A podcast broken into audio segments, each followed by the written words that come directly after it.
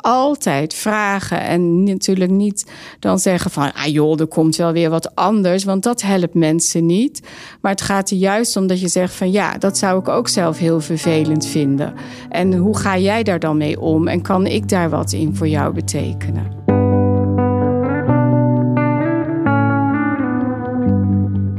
We zijn altijd goed in het vieren van persoonlijke successen.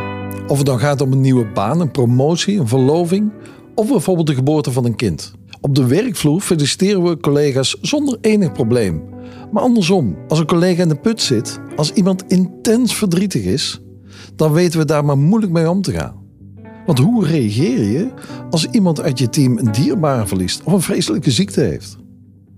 Hoe steun je een collega die boventallig verklaard is door een reorganisatie?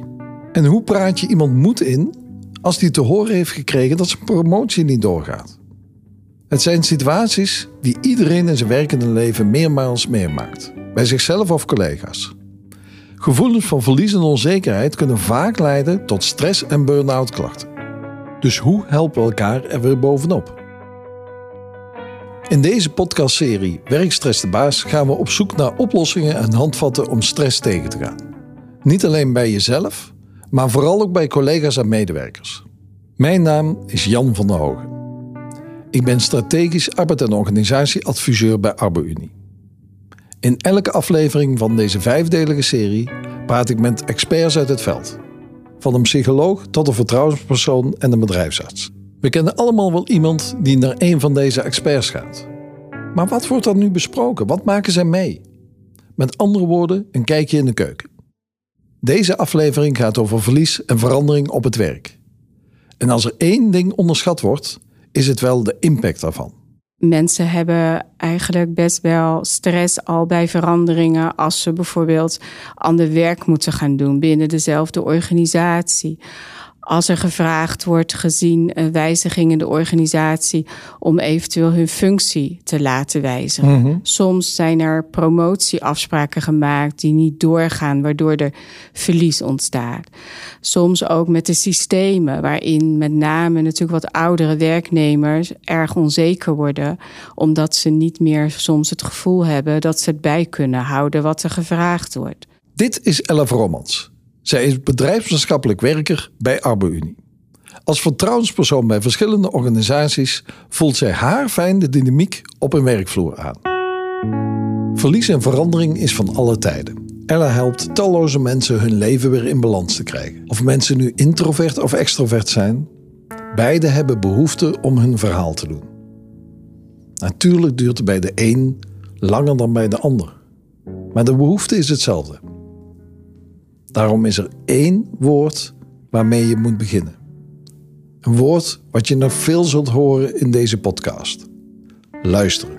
Ik had laatst een mevrouw die uh, zit al jaren in het onderwijs en die had een nieuwe liefde ontdekt. Dus tweede uh, leven begonnen, drie jaar lang. En die komt thuis en vindt haar partner dood in de badkamer. Dat is natuurlijk ontzettend heftig. En wat ik heel erg bijzonder vond, is dat ze toch tegelijkertijd een bepaalde veerkracht had. En waarbij zij het heel erg belangrijk vond, want ik denk dat dat onderschat wordt welke functie dat heeft, het klankbord, het luisteren naar mensen, het begrip hebben, enigszins kunnen inleven wat het betekent voor iemand als dit soort dingen gebeuren in je leven.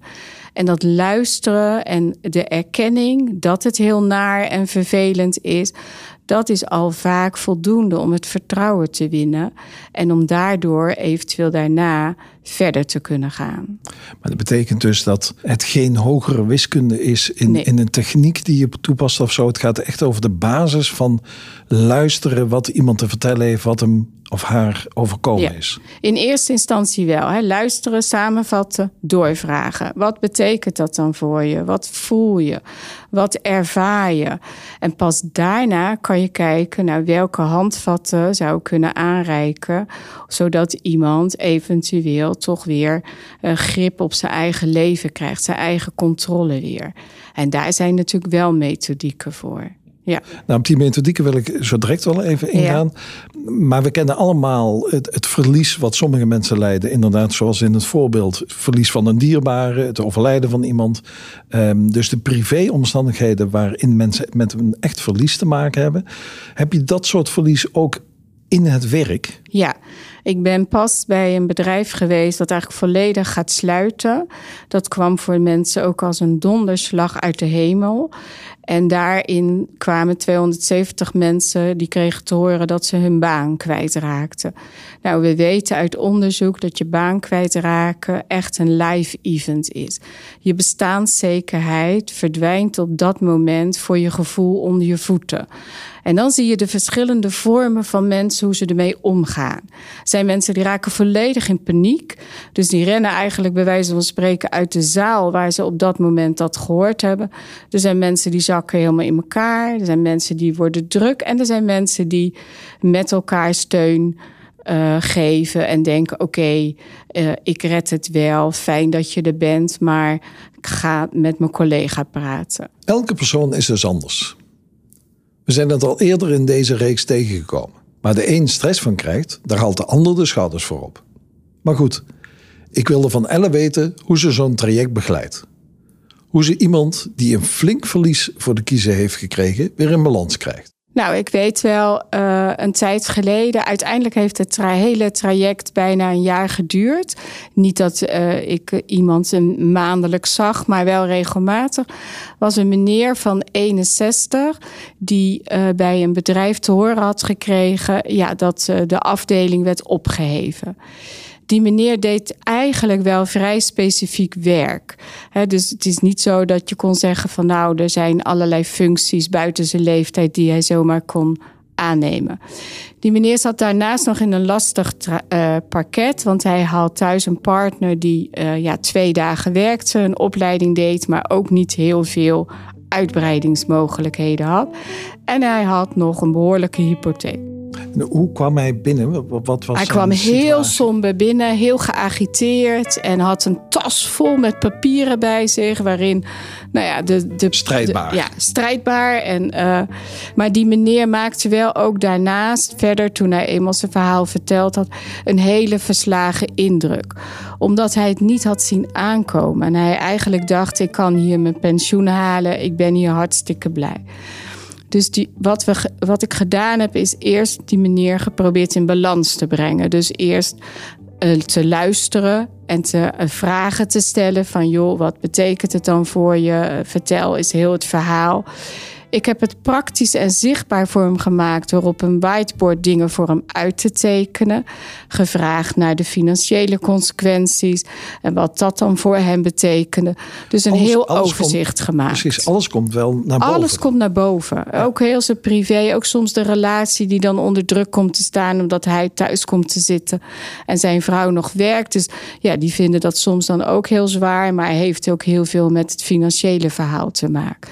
Ik heb gekeken naar zijn dagbesteding. Van hoe ga je dan nu je dagen doorbrengen? Want acht uur solliciteren achter een computer heeft geen zin. Dus gepast uh, eigenlijk een dagstructuur aangebracht. Dus in zijn tuin, dingen die nog in huis moesten doen en solliciteren.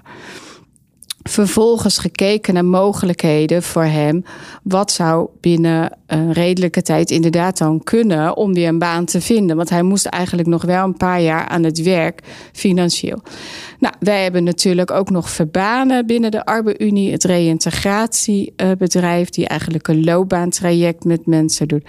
Daar is meneer naartoe gegaan, heeft daar sollicitatietrainingen gekregen en berichtte mij vorige maand dat hij een nieuwe baan had gevonden. Dus hij kwam nog en hij was heel erg blij. Dus iemand van die eigenlijk totaal niet meer wist hoe zijn leven eruit ging zien, terug op de rit. Mooi om te horen toch? Hoe zo'n proces van verwerking op gang komt en overgaat in vooruitkijken.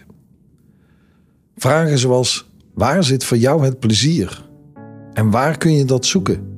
Die zijn essentieel om iemand te helpen weer grip te krijgen.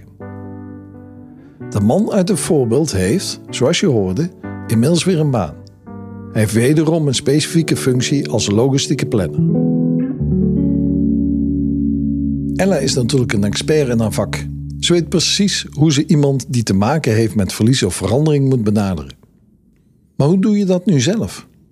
Ik ken veel HR-medewerkers en leidinggevenden die met die vraag worstelen. Sterker nog, ik worstel er zelf ook wel eens mee. Als ik weet dat een collega van me een promotie is misgelopen en ik zie in alles dat hij teleurgesteld is, dan weet ik soms niet hoe ik moet reageren. Dan voel ik een schroom om naar diegene toe te stappen. Want wat zou je diegene kunnen vragen? Ik herken dat wel. Kijk, het, je kan altijd aan iemand vragen en aangeven wat je ziet. Van goh, ik merk aan jou dat je eigenlijk niet zo in je, in je eigen doen zit. Ik merk wat signalen, je bent wat stiller, je bent wat, soms wat geïrriteerder. Is er iets aan de hand? Kan ik iets voor je betekenen? En soms zeggen mensen van nee joh, of geven heel kort weer aan van nou dat en dat is gebeurd, maar goed, het komt wel goed. En soms hebben mensen inderdaad die steun nodig om hun verhaal te vertellen en dat ze zo teleurgesteld zijn. Maar je kunt dus altijd in feite zeg je um, gewoon naar iemand toestappen. In ieder geval de vraag stellen. En, Altijd vragen. En natuurlijk niet dan zeggen van ah joh, er komt wel weer wat anders. Want dat helpt mensen niet. Maar het gaat er juist om dat je zegt van ja, dat zou ik ook zelf heel vervelend vinden. En hoe ga jij daar dan mee om? En kan ik daar wat in voor jou betekenen? Dat. Dus dat is ook het ja, in feite je, je empathisch vermogen gebruiken. En even laten merken dat je meevoelt met de persoon. Ja, nou, dat je redelijk kan inleven wat dat betekent. Ja. En er zijn mensen, ja, dat is nou eenmaal zo, die worden geboren zonder weinig empathisch vermogen. Ik hoop dan maar en adviseer ook als ik dat zie, dat ik dan zeg van nou probeer dat dan niet ook te doen, maar laat het dan aan iemand anders over. Ja. Want anders ga je een kunstje doen en dat voelen mensen. Die voelen dat als geen ander. Daar raakt Ella een kern. Je moet jezelf verplaatsen in een andere persoon. Het gaat namelijk niet om jou. Of zoals Ella het beter verwoordt. Je kan jezelf niet als graadmeter nemen. Het gaat dus niet om jou, het gaat om die ander. En wat we heel snel doen, is ons eigen eigen ideeën, onze eigen normen en waarden in ons hoofd zetten. Maar dat mag eigenlijk niet. Je moet eigenlijk een blanco papiertje in je hoofd hebben en denken: hé, hey, het gaat om die persoon. Het gaat niet om mij en wat ik vind en hoe ik daarmee omga. Want ik ben niet die persoon. En daarin kan je dan ook zien dat het soms uh, dat mensen de neiging hebben om soms dingen te bagatelliseren. Of zeggen, nou ja, iemand was drie dagen ziek, want zijn hond was dood. En zeg, ja, weet je, je weet niet wat die hond voor rol speelde in iemands leven. Dus ja, we zijn geneigd om veel te snel te oordelen. Tja, snel oordelen, misschien wel veroordelen. Ook ik heb er last van. Zo merkte ik in het gesprek met Ella. Wat voor mij heel normaal is, kan voor de ander een enorme impact hebben op zijn leven. Wat ik me afvroeg, Ella. Ik, ik was eh, van de week in een uh, organisatie en uh, ik zelf rijd veel in de auto. Ik, ik zit veel op de weg, 60.000 kilometer per jaar. En daar vertelde me iemand dat hij te horen had gekregen dat de locatie veranderde. En dat hij maar liefst 40 kilometer per dag aan reistijd, kilometers zou krijgen. Hij was er werkelijk van ontdaan. En, en uh, alsof een, een, de bodem onder hem was weggeslagen. Ja. Uh, vanuit mijn context had ik daar een heel ander beeld bij. Ja, en dan wordt het lastig, ook denk ik, om in mee te gaan dat voor iemand 40 kilometer net zoveel kan betekenen als dat jij 60.000 kilometer per jaar moet rijden. Wat het betekent voor iemand is dat zijn patroon van zijn hele dagelijkse leven wordt doorbroken.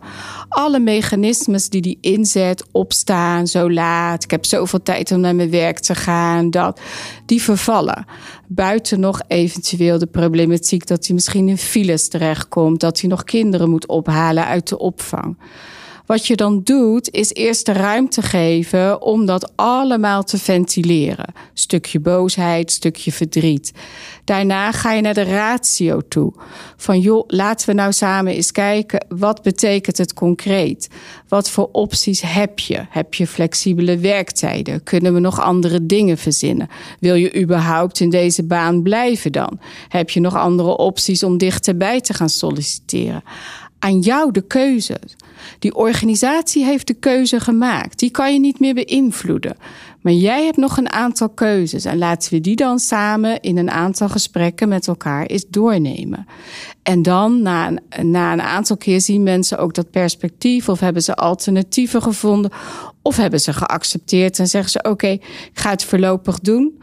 Prima, ik heb in mijn privé de dingen kunnen regelen. Want dat vind ik wel een belangrijke voorwaarde: dat mensen de tijd krijgen om ook die verandering toe te passen. Tijd is natuurlijk kostbaar.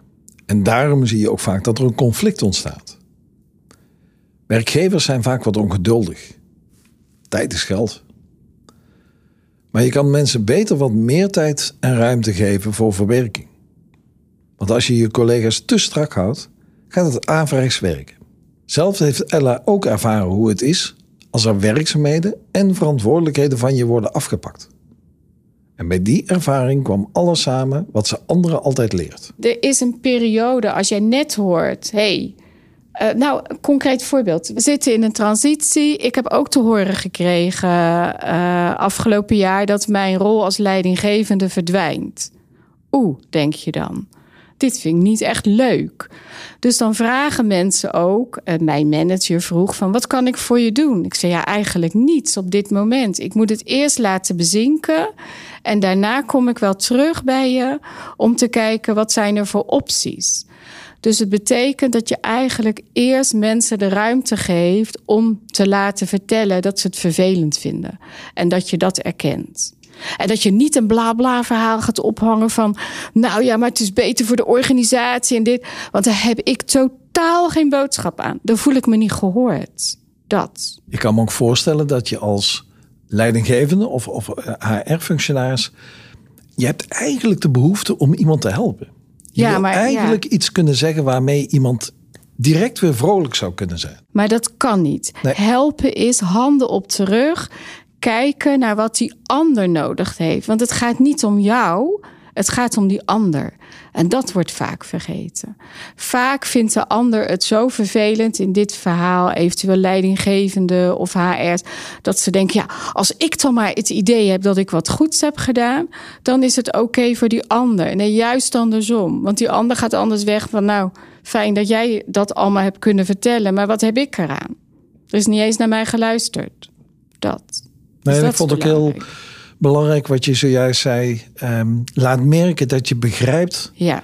dat het gevoel wat bij die ander zit. Ja, klopt. En dat ook de, de, dat het begrijpelijk is dat hij pijn voelt. Ja, en, en uh, laat het zijn of haar gevoel zijn. En ga niet jouw gevoel daarmee. Dus eigenlijk, anders zou je, ga je je eigen probleem oplossen, terwijl die ander nog hetzelfde probleem heeft.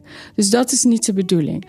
Laat het bij die ander, want die heeft dat probleem. Samengevat, handen op je rug. Handen op je rug. En belangstelling voor de ander. Wat gebeurt daar? Oprechte belangstelling, oprechte interesse. Luisteren. Echt luisteren met interesse en respect.